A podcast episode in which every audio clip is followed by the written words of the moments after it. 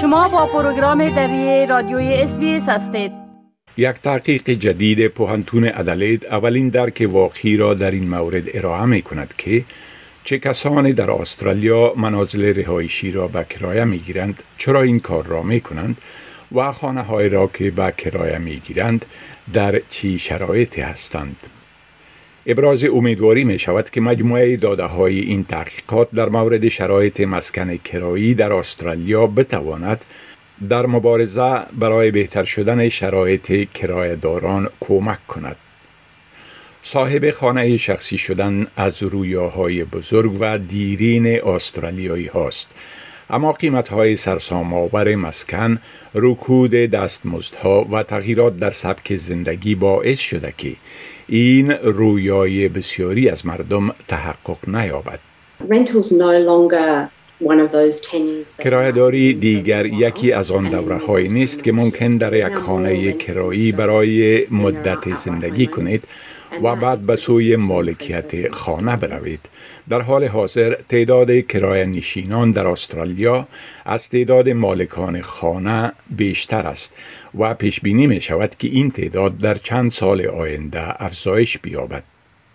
این اظهارات پروفسور اما بکر مدیر مرکز تحقیقات مسکن استرالیا در پوهنتون ادلید بود.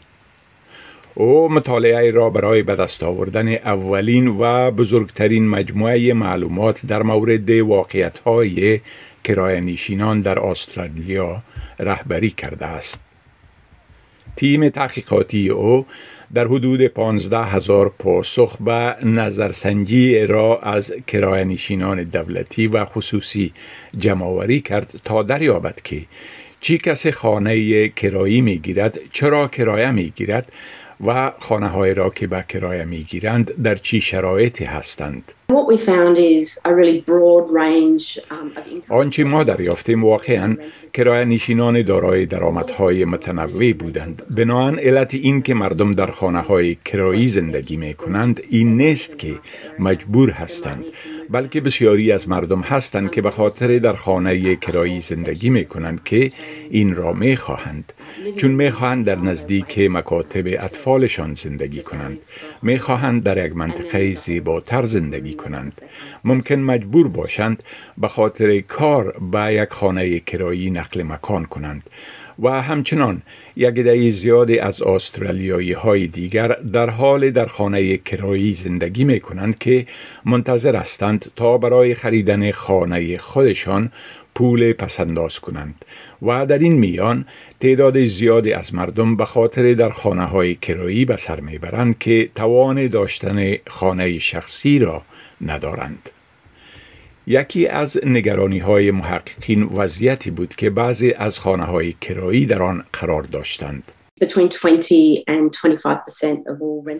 بین 20 تا 25 فیصد خانه های کرایی در زمستان بسیار به سختی گرم می شدند و بیش از یک چهارم خانه ها مشکل نمزدگی داشتند.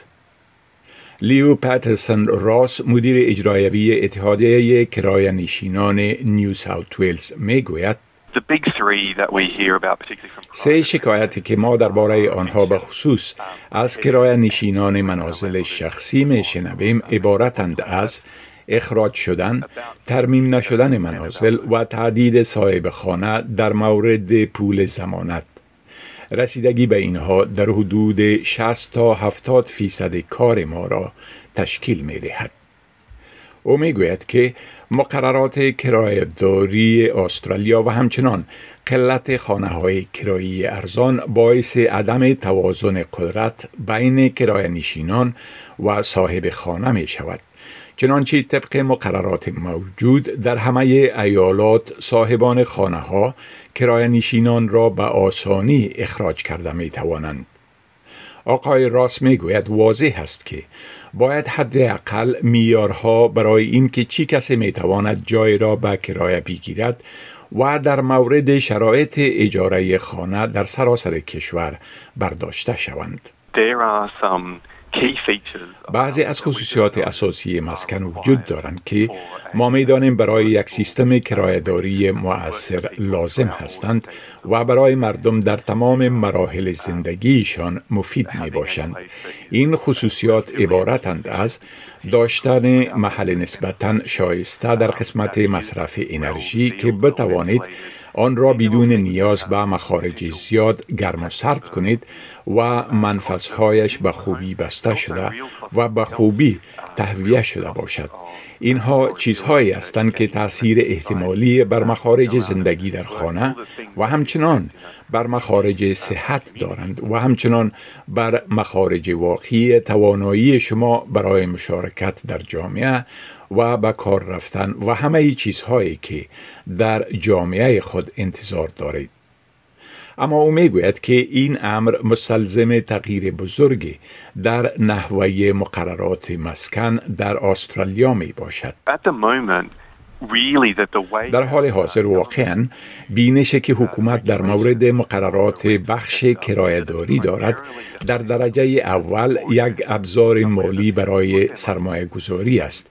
این بخشی است که مردم پول خود را در آن سرمایه گذاری می کنند و حکومت سعی فراوان می کند تا از این سرمایه گذاری محافظت کند تا مطمئن شود که سود به بار بیاورد.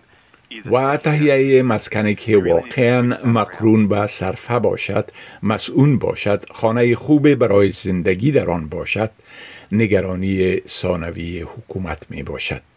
ما باید واقعا این بینش و روش را تغییر بدهیم. پروفسور ایما بیکر خوشبین است که استرالیا قبلا در جهت ایجاد بعضی از تغییرات در این مورد قرار گرفته است. و او امیدوار است که مجموعه معلومات حاصل شده از تحقیقات تیم او درباره شرایط خانه های کرایی استرالیا برای فراهمی سیاست ها حمایت اجتماعی و مخارج زیربنایی بهتر ارزشمند و سودمند ثابت خواهد شد. گزارش را که شنیدید با کمک امی هال از اس نیوز تهیه شده بود. می خواهید این گناه گزارش ها را بیشتر بشنوید؟ با این گزارشات از طریق اپل پادکاست، Google Podcast، Spotify و یا هر جایی که پادکاستتان را می گیرید گوش دهید.